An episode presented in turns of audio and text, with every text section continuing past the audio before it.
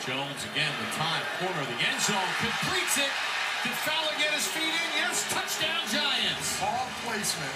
Make a note of it, folks. This kid is putting the ball where only his receiver can get it. Outside throws, those are tough ones. And every offensive lineman after that touchdown throw just gave Daniel Jones a big hug. What a preseason opener for rookie quarterback Daniel Jones and the New York Giants. I was telling folks all off season up until this point, this is one of the first preseasons in a very long time where there's a story for New York Giants fans, where there's an actual legitimate reason for New York Giants fans to not only attend these preseason games, but tune in to these preseason games. And for the very fact that we have a lot of young core players that were just recently drafted that are going to start for this team this year, especially sixth overall pick, rookie quarterback out of Duke University, Daniel Jones. What a way to open up the football season for New York Giants fans. Daniel Jones ended up going 5 for 5 for 67 yards and threw a touchdown, which you just heard from that clip that I input in the beginning of this episode.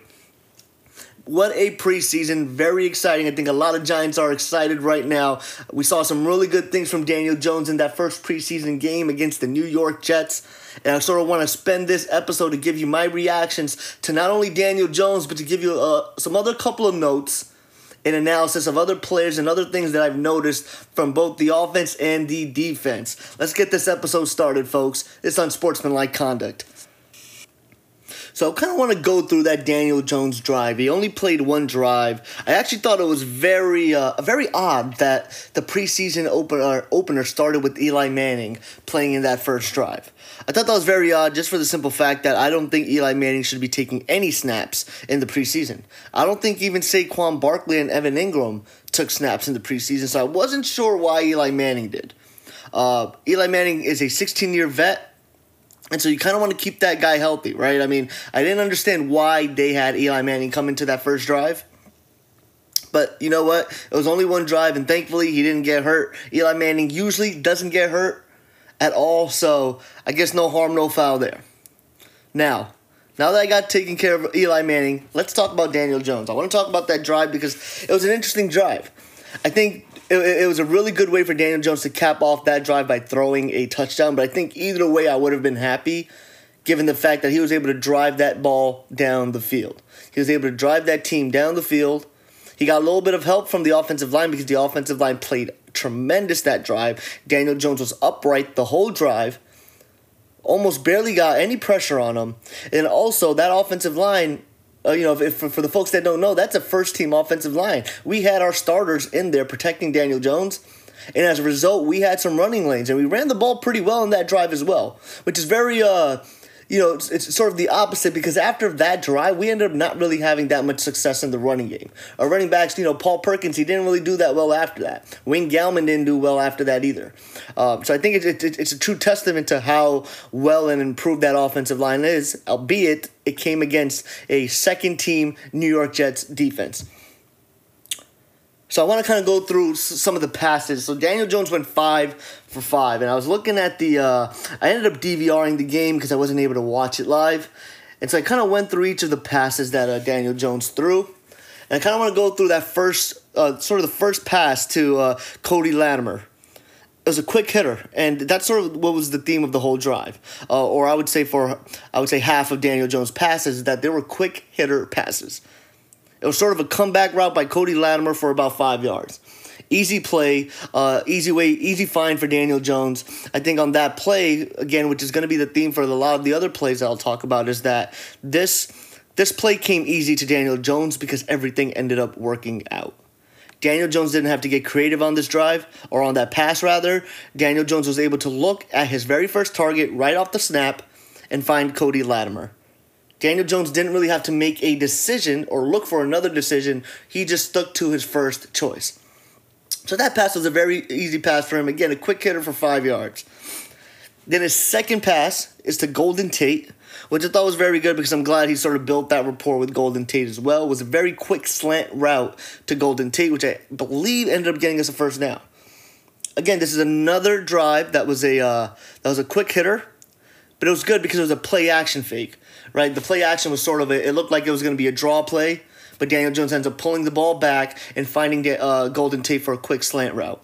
I thought that was very well executed. I think a lot of folks don't know how um, precise you have to be when you're doing a play fake because this play goes so fast. You not only have to fake it to the running back, but end up pulling the ball back, getting ready into throwing position, and sling it to that sl- uh, to that receiver that's running a route, especially that slant route because slant routes are so quick that once that receiver hits the middle of their slant route, it's pretty much too late. You kind of want to hit the receiver after they hit that break, and Daniel Jones was able to find Daniel Jones right out of the break, entering into the slant route. So I thought that was a good throw too. But similarly to the throw to Cody Latimer, that throw came very easy to Daniel Jones because he had nowhere else to sort of look for. He looked for that one target, which was Golden Tate. And so for two passes in a row, what I've noticed is it looks like Daniel Jones was able to find the receiver that the play was designed to go to. But in both of these plays, there was a little bit of pressure because I think they brought in some linebackers, so there was a little bit of pressure where you see the pocket sort of collapsing, but not too much where Daniel Jones had to scramble. But I think if Daniel Jones did stay maybe a second or two longer into the pocket, he probably could have gotten hit. So I thought Daniel Jones did a good job of getting that ball out of his hands quick, quick enough to hit his receivers. So I thought that was good. Um, then there's another quick hitter. Uh, it was sort of a, uh, a, a throw to the sidelines to Bennie Fowler, and I thought that was a good throw too because you see with this throw, it's all about timing. When the receiver turns his back, you have to let go of that ball and that ball hit the receiver right in the numbers. And so that's been that was sort of the theme through these passes that I've seen as well is that these catches are easy for these receivers, which means Daniel Jones knows how to place the ball. Carl Banks was saying it all night long, and he was right. Daniel Jones, throughout that whole drive, placed the ball in the receiver's hands right in the numbers, easy enough for the receiver to not only bring down the ball, but to the point where the defense couldn't even make a play on the ball. And I know a lot of people, you know, a lot of analysts, a lot of New York Giants haters, some even New York Giants fans or pessimists are saying, well, this came against a secondary that's a New York Jets second team secondary. But I want to give a little bit more perspective about that. This is a good sign that Daniel Jones did well against a second team defense. Because at least we know that he is he can be somewhat successful against that type of level talent. Now I'm with you. I would love to see how he plays against the first team defense. Because on that touchdown throw, I was a little I'm a little skeptical skeptical about that touchdown throw. And that's the t- that's the throw that's that I'm, I'm going to end up getting into because I think had that throw would have been against a, a, much more better defense or a first team defense, maybe if Jamal Adams was back there, I don't know if that ends up being a touchdown. Now, some folks are saying that's an interception. I would disagree with that because I think the ball placement was good enough where you couldn't make an interception on it, but I think you could have gotten a hand in there had there been a better uh, defensive back in the uh, secondary. But before I get to that touchdown throw, I want to talk about one of my favorite passes. Is the pass prior to that touchdown throw. Jones had all day, and it was a third pass to Cody Latimer, and that was one of the more. I think that was the more the the more larger throw of that of that drive for Daniel Jones and it was right in zone coverage. And I think it was really good for Daniel Jones to find Latimer open because it was open in zone coverage. He had to find a seam for that. And the good thing about it is that route was a long developing route because as you saw, Daniel Jones was standing upright in the pocket. I mean, our offensive line did a tremendous job holding out those defensive linemen and linebackers, but Daniel Jones had to sit there and let that route develop. So for, for Daniel Jones to be able to trust that route to develop and find Cody Latimer open, that was a very good sign. But I want to sort of emphasize the fact that that's another play where everything fell into place for Daniel Jones, and that's why Daniel Jones was able to find Cody Latimer open for that pass. It was the pass, it was his third completion, I believe, and it, was right before, eh, or fourth completion rather, and it was right before the touchdown.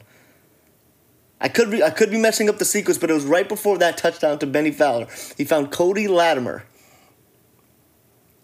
And I thought that was one of my favorite throws because it was in between defenders. I think the linebacker tried to reach over and tip it, and he couldn't. It was right in space into zone coverage, and he dissected that zone coverage, and that's the most important thing because zone coverages there's always going to be a hole in a hole in the defense in zone coverages because the secondary and linebackers are designed to cover certain areas of the field. But you can only have so many players on that field, so there's always going to be something where you can exploit zone zone uh, defenses and zone coverages. And Daniel Jones was able to do that and find Cody Latimer open for that pass. And that was one of the more bigger gains of that drive, which ended up having the Giants and placing the Giants in field goal position into the red zone. So that was one of the more important throws because without that throw, we saw Daniel Jones doing these quick hitters, right? These five yard gains or these six, seven yard gains with some successful short yardage runs. So that, that, that was that was the throw, the whole drive that let me know, okay, he has the capability to drive the ball down the field and find a receiver open in space. So really great throw by Daniel Jones. That was probably by far the most important and favorite throw by Daniel Jones on that drive and I want to get into the sort of the big, the big, the big money throw, which is the touchdown pass to Bennie Fowler uh, when we were in the end zone shortly after that throw to Cody Latimer. You know, I think, you know, it, it, was great to see the offensive linemen, uh, you know, hug Daniel Jones, the whole team rallying around Daniel Jones. You see even Saquon Barkley jumping and, and, you know, sort of just celebrating with Daniel Jones. So that was really good because while everyone knows this is Eli Manning's quarterback position and Eli Manning will start week one, you can see that the team is rallying around this young rookie quarterback, which also lets me know that they believe in him. Because I don't think you have a team that will be that excited for a quarterback if they didn't think that he, you know, he had all the tools to be successful this team, everyone else on that roster, and this coaching staff has seen Daniel Jones get berated by the New York media, New York Giants fans, including myself when he was drafted. All these analysts, whether it's an ESPN, Fox Sports, CBS, wherever you name it, and to see him throw that touchdown, and yes, I know it was preseason, so what does it really matter? No, probably not. But to see that happen for Daniel Jones to be successful so early on his first, very first NFL drive and you see all those NFL uh, New York Giants players just rally around Daniel Jones after that. I mean, that that that was really great to see. I mean, that's team chemistry right there. And I understand on paper we not we may not be the most explosive offense, but I'm telling you this: the energy from this New York Giants team is very different this year than it has been over the last several years. There's a more, much more bigger unity on this team, and I think that unity comes from the fact that everyone's riding off the Giants. So that was really, really nice to see. But now I want to actually get into the throw and sort of the science and the football logic behind the throw. There's a lot of controversy around this touchdown because there's some people that are thinking that this was a great throw because it hit uh, Bennie Fowler right in the numbers. And I mean that ball placement was really good because you know the DB for the New York Jets couldn't even make a play on that ball. It was a very sort of pitch and uh, you know throw and catch and a very easy touchdown for the New York Giants. You know, that was a very well placed ball, well thrown ball by Daniel Jones. However, there are, there are also other people that think that the throw wasn't that great and that it could have ended up being an interception had they have been played a first team New York Jets defense. Now I'm kind of in the middle of both of those arguments because I, I, I think it was a great I think it was a good throw. It was a well placed ball. Not only did it hit Bennie Fowler in the numbers, if you look at how Bennie Fowler brought that ball down, he corralled that ball with his left bicep. So that's the that's the arm that's towards the sideline. So to think about it, to think that that ball would get intercepted, I mean, you would have to you know be very athletic enough to dive and catch that football to intercept that ball.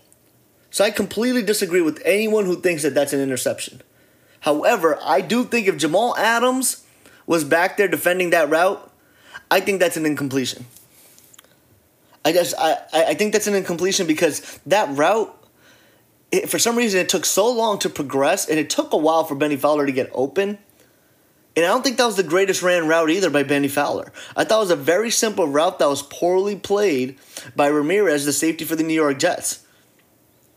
Had Jamal Adams probably been back there, I think Jamal Adams can get a hand in there, or I think Jamal Adams can get close enough to Bennie Fowler where Bennie Fowler gets disrupted and can't even make a play or an attempt for that catch. And so that's where I lie about that touchdown. That's where I sort of land on that touchdown. Again, I'm happy to see Daniel Jones be successful. But I just want to be subject, uh, objective as, as I possibly can because I don't want to get too excited about Daniel Jones myself, and then he ends up disappointing later on. And I wanted to give more color and sort of a different perspective on that touchdown throw to other to sort of everyone else out there, especially my listeners, because my listeners are usually New York Giants fans. So yes, celebrate that Daniel Jones did well in his first drive, but don't hang your hat on this touchdown throw because I don't think it was that great of a throw. Against that defense, it was, but then it leads me to believe maybe against a more premier safety or premier secondary, maybe they make a play on that ball. And again, I completely disagree. And it was actually, I think, Cris Carter, a Hall of Fame wide receiver that played for the Minnesota Vikings, who's currently an analyst on Fox Sports, said that that's, that was a bad throw. And that in a regular season game, that would have been picked off by a first team defense. And I would disagree with that. And look, don't get look. Does Cris Carter know more football than I do? Of course he does. He's a Hall of Fame wide receiver. He he he's he's always around football. He's played in the league, so of course I'm gonna give him that nod. Yes, he knows more football than I do. But just I think I know enough about football to disagree with Cris Carter because I think that where that ball is, I think it's very hard to make. It, I, I don't think that it was a bad throw. I think a good safety can make a can attempt to make a play on that ball and disrupt the wide receiver as he's trying to catch it, but I don't think it was a poorly thrown ball where it would get intercepted. Now, if the ball was placed towards, you know, maybe behind the receiver or maybe right dead in the middle of the numbers on the jersey, then you can make some sort of an argument. But other than that, I thought Daniel Jones placed that ball as well as anyone could. Now, for me personally, I don't like when receivers have to sort of turn their body to catch the ball heading into the sideline. So I would have preferred Daniel Jones to actually throw it where Bennie Fowler has to reach out for the ball, extend his arms out for the ball, rather than Bennie Fowler sort of jumping and jumping into the throw. And if I had to give a grade to da- uh, to Daniel Jones for his first preseason game, I'd give him a B. And for for the following reasons. Daniel Jones wasn't under pressure that much for him to have to improvise on any of the five uh, times that he had to drop back for drop back for a pass. Daniel Jones also relied on his first wide receiver option. There wasn't a moment in any of the five passes where Daniel Jones had to sort of survey the field and look for other options, whether it was the second wide receiver or the third wide receiver, or the tight end, or even a dump off to the running back. In other words, I don't think Daniel Jones was challenged enough in this first preseason game. However, I think he was poised and did everything he was asked to do, and therefore I think a B is a fair enough grade. I don't think he did anything bad. I don't think he did anything poorly. And I thought every single throw that he made was a good throw, an accurate throw, and it made the receiver's job easy where the receiver didn't have to do too much in order to bring the ball down because the ball was always in the numbers or right in the diamond, right where the receiver could catch it with their hands. So good showing by Daniel Jones and some very, very positive and, and, and good signs coming from Daniel Jones. I look forward to seeing him in week two.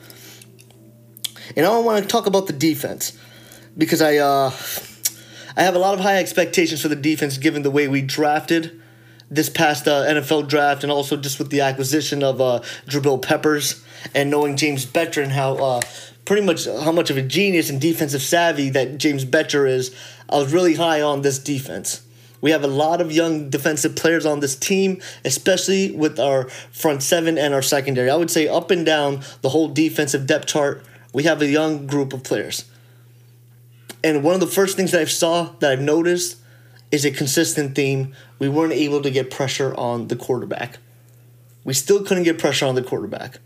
There were times where we had to bring in an extra DB, bring in an extra linebacker. I didn't really see the pressure there. And that's still a concern. And obviously, this is the first preseason game. A lot of these rookies haven't really been battle tested yet, so this is something that they have to feel out. But James Bettcher needs to understand and look at this tape and figure out where he's going to get the pressure from. And they've said this all pretty much most of the game. Carl Banks even said it. Lorenzo Carter is expected to have a big year. That's the guy that they're relying on to get sacks and pressure the quarterback. I don't really feel like the pressure on the quarterback was there, so that's something to look out for going into the rest of the preseason games because we still couldn't get it. Another negative for our defense, our young DBs got exposed. And it goes back to everything I've been saying since I started this podcast. If you can't get pressure on a quarterback, then you put more pressure on your secondary to make a play because it gives the quarterback that much longer to find those receivers open. and it allows receivers to actually complete their route trees. And while DBs are athletic and probably one of the more athletic people on the field, given that they have to defend these super explosive and fast wide receivers, DBs can only defend for about a couple of seconds before they lose that route battle. Unless it's a go route, every other route in the NFL is pro- really hard to guard. And our DBs got exposed. Corey Ballentine got called for a pass interference, and I know he had an interception, but that interception came against Davis Webb. Davis Webb got cut by the New York Giants. So I expect him to throw an interception against anyone else on the team because he couldn't stay with the New York Giants. DeAndre Baker, first round, uh, a first rounder. He also got called for a pass interference, which was a bonehead pass interference. Both of them were because they're too aggressive because the quarterback had time to sit in the pocket, and those DBs thought that they were going to lose on the route, so they decided to get a little physical deep down the field on go routes. Julian Love and DeAndre Baker were exposed on that pick play where uh, where Sam Darnold threw for a touchdown. That very first Jets uh, drive where they threw a touchdown, and Sam Darnold looked good. We made Sam Darnold look good. But most importantly, it's, it was because of the number one negative reason I just pointed out. We couldn't get pressure. And because we couldn't get pressure to the quarterback, our DBs got exposed. But I think we have enough talent in, in, the, in the secondary where it'll come together.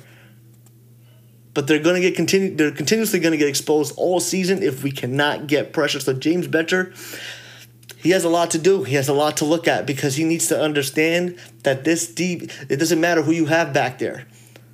If you can't get to the quarterback, you cannot defend wide receivers. This this game has changed from a running game to a passing game. Quarterbacks are throwing between 30 and 40 uh, uh, passes a game now. It's not between 20 and 25, and then you let your running back get 20 to 25 carries. It doesn't work like that anymore. The offenses have changed, and James Bettcher needs to find a way to generate a pass rush. And speaking of pass rush, Oshane Ximines there were times where Oshane Ximines, you know, he was able to sort of get into the backfield and get close to the quarterback, but he's so one dimensional that the tackle was able to just sort of kind of push him out of the zone. Oshane Ximines couldn't get around guys. He got around enough where the quarterback could just step in, and that was it. The, the you know the pocket would somewhat uh, sort of crumble, but it wouldn't crumble all the way where the quarterback was in duress. All the quarterback had to do was step in, step into the side, and Oshane Ximines was out of the picture. And then one of the touchdowns to McGuire, Oshane Ximines blew that coverage. Oshane Ximines is a outside linebacker. On that play, Oshane Ximines went for the quarterback instead of rolling out and defending McGuire, and McGuire was wide open for a very easy pass and a touchdown. And granted, I know this is preseason, so uh, you know winning or losing doesn't matter. But analyzing talent, that's what the preseason is for. So Oshane Ximines has a lot to work on too because you know this this is concerning for a third round pick. If this guy's going to be only there to pin his ears back on a third down and rush the quarterback and not be able to pick up an easy, a very easy assignment, which was McGuire coming out and rolling out of the backfield, that was concerning to me too. But don't get me wrong, I don't mean to be a Debbie Downer. There were some bright sides of the defense too. One of them was Jabril Peppers. Jabril Peppers, when he was in there, was all over the place in every single play. And you know, he missed a pick. He missed the interception that could have potentially been a pick six, but definitely would have had us in the red zone. But I'm okay with that because that, that, that's what happens, right? DBs are DBs and not wide receivers because they don't have good hands. I'm okay with, uh, with, with that. I was actually more happy with and more impressed that Jabril Peppers read that perfectly against a second year quarterback in Sam Darnold. Because if think about it, if Jabril Peppers gets the interception, then Sam Darnold and the Jets don't drive down the field that was a great read because think about it, Jabril Peppers was close to the box, not exactly in the box, but close enough to his DBs, and he read that play and rolled out to his left to the sideline. I mean, that would have been a great pick. It's okay though to hit his hands. He made a good play on it. That was definitely great to see because I think that was actually one of Sam Darnold's first passes of the game as well. So really, really great sign to see from Jabril Peppers, especially because you know he's somebody that the Cleveland Browns didn't give him a good enough chance. He played decent enough when he was in there, but they didn't play him enough because there was a lot of competition in that uh, Cleveland Browns secondary. So that's really, really good to have him come in, especially considering the fact that he's replacing Landon Collins, which are big shoes to fill. But I think he's you know he's up for it because we also seen him play in the box and make tackles, uh, you know, bring down the running backs. He was there almost every single play. So really, really good sign and positive note for Jabril Peppers because I think he had a great game. And then rookie uh, nose tackle Dexter Lawrence, he was clogging up the middle. He played great and he played a hell of a game. And while he may not have the exact stats in terms of tackles and whatnot, it showed. It showed because the line was moving. He was drawing double teams. This guy is a rookie drawing double teams in preseason. I can't wait to see what's going to happen in the regular season. And that might be the key piece. That might be the reason why we were able to eventually come up with creative ways to generate pass rushes because that opens up gaps. When you double team a nose tackle, that's going to open up a gap. So that was a very good sign from Dexter Lawrence. And you know, I kind of eat my words because I know I was a little upset at that pick, given that I wanted a premier, legitimate, natural pass rusher. But I'm okay with that because Dexter Lawrence looked good out there. And then lastly, just from the offensive standpoint, I just want to give a big kudos to the offensive line. Because when Daniel Jones was in there, they protected him and he was upright the whole time. I never seen a quarterback for it's been a long time since I've seen a Giants quarterback just sit back in the pocket, not under duress, not shifting around, not being scared or uh, of, of, of getting sacked. Daniel Jones looked upright, he was confident, he was able to sling the ball. Guys like Kevin Zeitler and Mike Remmers were pushing up the line, getting good gains from a running standpoint as well. Put a lot of pressure on those linebackers because that defense didn't know what to do. And granted, I know it was a second team defense, but nevertheless, it worked. Our offensive line looks good and it looks improved. Strangely improved because I've never seen this offensive line look like this in quite some time. So big kudos to that, and actually just a big kudos to Dave Gettleman for really putting putting together that offensive line. I mean, just imagine what someone like Saquon Barkley could do with an offensive line like that. Given that he had what 12, 1300 rushing yards with the shitty offensive line. So that's that's essentially what my take was for this whole uh, preseason, folks. Thanks for tuning in. This was the 18th episode of Unsportsmanlike Conduct. Thanks for tuning in. Peace out. It's your boy HP.